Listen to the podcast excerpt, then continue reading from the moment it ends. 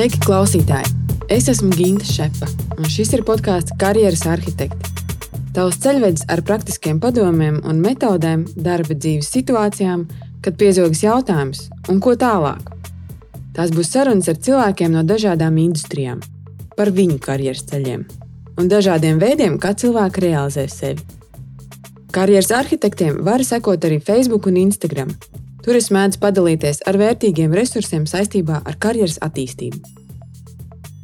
Šodien studijā esmu viena un gribu padalīties ar nedaudz citu redzējumu par to, kā tikt galā ar nebeidzamo darbu sarakstu, proti, kā vadīt savas enerģijas rezerves, lai pagūtu visu izdarīt.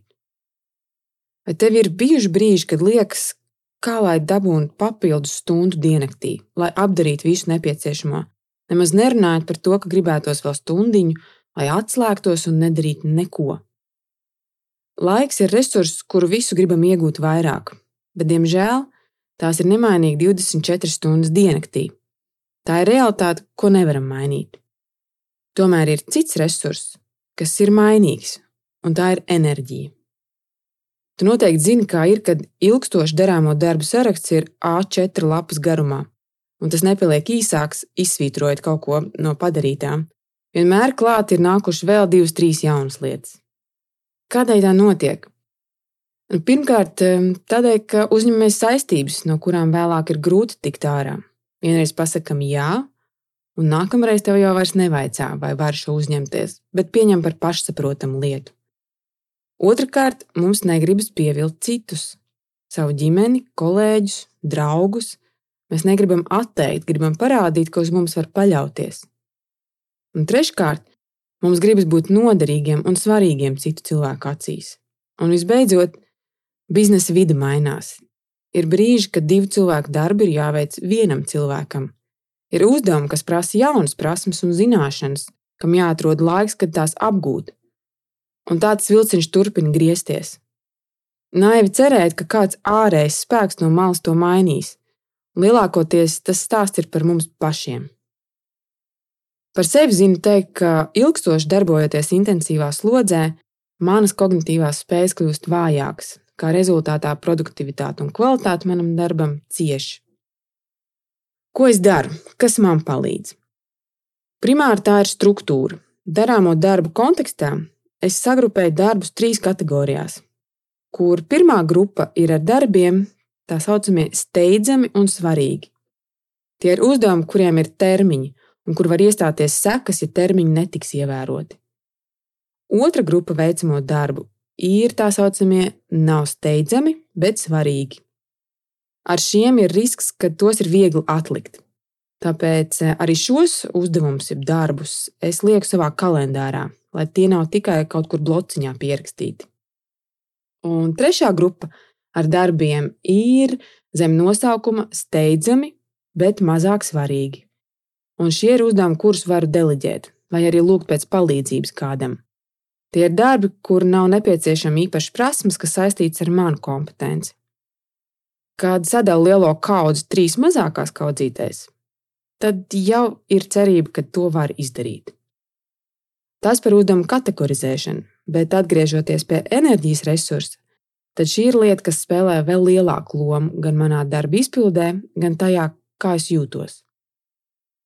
Cilvēkam dzīvē enerģiju rada četri galvenie avoti, proti, ķermenis, emocijas, prāts un jēga. Katrs no avotiem var tikt sistemātiski paplašināts un atjaunots, izveidojot rituālus, Par to, kā izmantot ķermeni kā enerģijas avotu, ir daudz un plaši pieejama informācija. Es varu padalīties tikai no savas personīgās pieredzes, un man jāsaka, ka neesmu nonākusi pie viena absolūtā risinājuma. Ir bijis laiks, kad enerģiju guvu no augstas intensitātes sporta aktivitātēm un rūpīgi izstrādāta uzturplāna. Šobrīd es esmu pilnīgi otrā skalas galā. Mans ķermenis labi jūtas, ja no rīta to kārtīgi izstāja tā lēnām, kā kaķis. Dažkārt tur patiešām blakus arī ir kaķis. Būtiskāk par to, ko daru, ir disciplīna, vai manām fiziskajām aktivitātēm ir regularitāte. Es iesaku ieklausies, kas tavam ķermenim palīdz ģenerēt enerģiju tieši šajā dzīves posmā. neatkarīgi no tā, kas ir modē vai ko dara citi. Jo tavs ķermenis kalpo tev, ne citiem. Otrs enerģijas avots ir emocijas. Jo labāk spējam pārvaldīt savas emocijas, jo labāk arī varam operēt ar savu enerģiju. Negatīvas emocijas atņem daudz spēka. Lai spētu vadīt savas emocijas, pirmais uzdevums ir atpazīt tās. Un labs veids, kā sākt atpazīt savas emocijas, ir dienas laikā piefiksēt situācijas, kas radījušas spēcīgas emocijas, gan pozitīvas, gan negatīvas. Nosauc emocijas vārdos, pieraksti, vai tās bija dusmas, aizkaitinājums, gandarījums, prieks, neizpratne, jebkas. Šādu vingrinājumu var pamēģināt veikt četras nedēļas, un tu sāksi pamanīt, kāda tipa situācijas tevī rada noteikts emocijas. Mans ikdienas darbs prasa miedarbību ar cilvēkiem. Tās ir situācijas, kurās ir gan citu cilvēku emocijas, gan neizbēgami arī man pašai ir savas emocijas. Un, lai labāk pārvaldītu savas emocijas, man palīdz īsas pastaigas. Es, piemēram, zinu, ja man pa dienu ir paredzēts trīs, četras sarunas, Tad pa vidam es ieplānoju īsas 10 līdz 15 minūšu pauzes, pastaigas tepat apkārt kvartālam. Tas pirmkārt palīdz apgādāt smadzenes ar skābekli, bet otrkārt tās ir manas 10-15 minūtes, kad man ir brīdis atslēgties no iepriekšējā temata, izprocesēt visu informāciju un arī izanalizēt savas emocijas, kas man patika, kas man nepatika, kas ar mani notika tajā sarunā. Trešais enerģijas avots ir prāts. Pirmā lieta, plānojot savu kalendāru darba nedēļas griezumā, es lielu vērību pievēršu darāmo darbu saturam. Proti, kāda tipa uzdevumus man ir efektīvāk veikt dienas pirmajā daļā un ko atstāt uz pēcpusdienu. Piemēram, konsultāciju tipu uzdevumus es labprātāk plānoju dienas pirmajā daļā, kad prāts vēl nav piesārņots ar apkārtējo troksni. Savukārt pēc vairākām sarunām Dienas otro daļu es atstāju rutīnas uzdevumiem, piemēram, atskaitēm. Vēl viena būtiska lieta, kas nu galīgi nav nekas unikāls, bet par ko ir vērts sev atgādināt ik pa laikam, tās ir visāda veida notifikācijas, jeb paziņojumi, kas mums mirguļo acu priekšā, tā izskaitā krāsainās postit lapiņas. Pamēģini ar mazu eksperimentu. Noslēdz skaņas un vizuālās notifikācijas telefonā aizver savu e-pastu un visas citas aplikācijas, kas var novērst tavu uzmanību. Noņem no galda esošās krāsainās lapiņas. Uzņem laiku 45 minūtes un darbojies netraucēt pie kāda uzdevuma.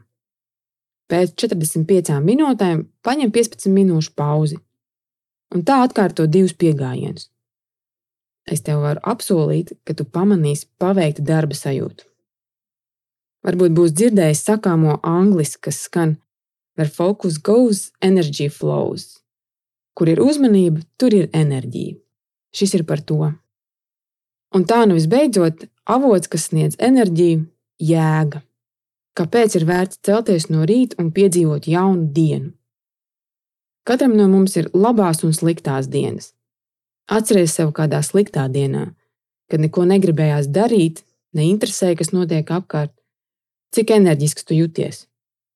Un pretēji, atceries dienu, kad tev viss izdevās, kad jūti gandarījumu par paveikto, kad izdevās nodot projektu laikā un klients pateica paldies, cik enerģisks tu jūties tad. Runājot par jēgu kā enerģijas avotu, smalkums slēpjas tajā, vai pat šķietami parastā dienā spēja ieraudzīt, par ko būt pateicīgam. Kā praktizēt jēgu kā enerģijas avotu, tad atkal neliels eksperiments. Mēneša garumā, katras dienas beigās, uzraksti, par ko es pateicīgs šodien. Tas var būt viens vārds, piemēram, veselība, cilvēka apkārt. Vai pāris vārdos apraksta piedzīvoto, piemēram, par iespēju parādīt savas zināšanas. Šo uzdevumu var attīstīt tālāk, katras nedēļas beigās, izdarot kopsavilkumus un praktizējot ilgstoši, var ieraudzīt, kas priekš tevis ir patiesi svarīgs dzīvēm. Vasara ir brīnišķīgs laiks, kad atgūt spēkus un uzkrāt enerģiju. Taču vēl šis laiks ir pateicīgs, lai mēģinātu ieviest jaunus paradumus, kas varētu kalpot vēlāk kā atbalsta sistēma intensīvākam darba periodam. Un atpūties ķermenis un prāts vieglāk ļaus jaunām pieredzēm. Tāpēc gribu tev novēlēt, izmanto vasaru, lai sagatavotu savus enerģiju krājumus ziemai. Tiekamies pēc nedēļas! Atā!